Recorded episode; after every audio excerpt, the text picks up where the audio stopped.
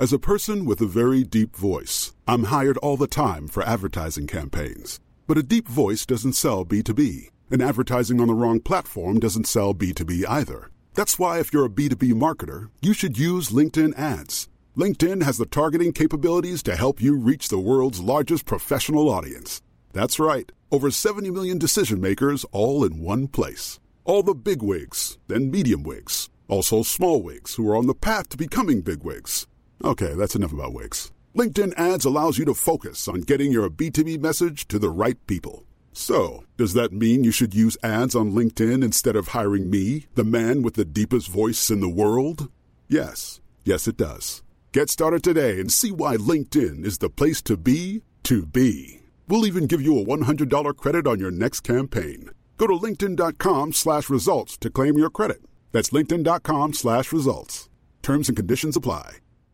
Hey, I'm Ryan Reynolds. Recently, I asked Mint Mobile's legal team if big wireless companies are allowed to raise prices due to inflation. They said yes. And then when I asked if raising prices technically violates those onerous two-year contracts, they said, what the f*** are you talking about, you insane Hollywood ass?"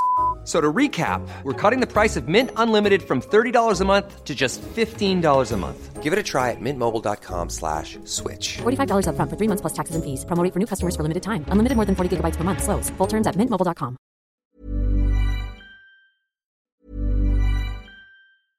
Hey, I'm Ryan Reynolds. At Mint Mobile, we like to do the opposite of what Big Wireless does. They charge you a lot, we charge you a little. So naturally, when they announced they'd be raising their prices due to inflation, we decided to deflate our prices due to not hating you.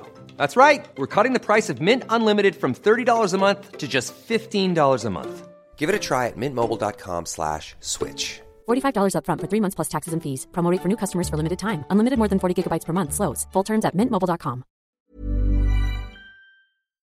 Da har vi akkurat spilt inn en ny episode av eh, Aftenpodden USA, og denne uken så har vi snakket om stressnivået eh, som øker kraftig på demokratisk side nå i valgkampinnspurten, og hvorfor det ser ut som de velger en ganske sånn grunnleggende endring av strategi eh, rett før valget, som du egentlig mener virker som en ganske god idé, selv om det er lovlig sent, vil noen si. Ja, det er lovlig seint, og kanskje er det for seint for demokratene å redde seg inn igjen nå.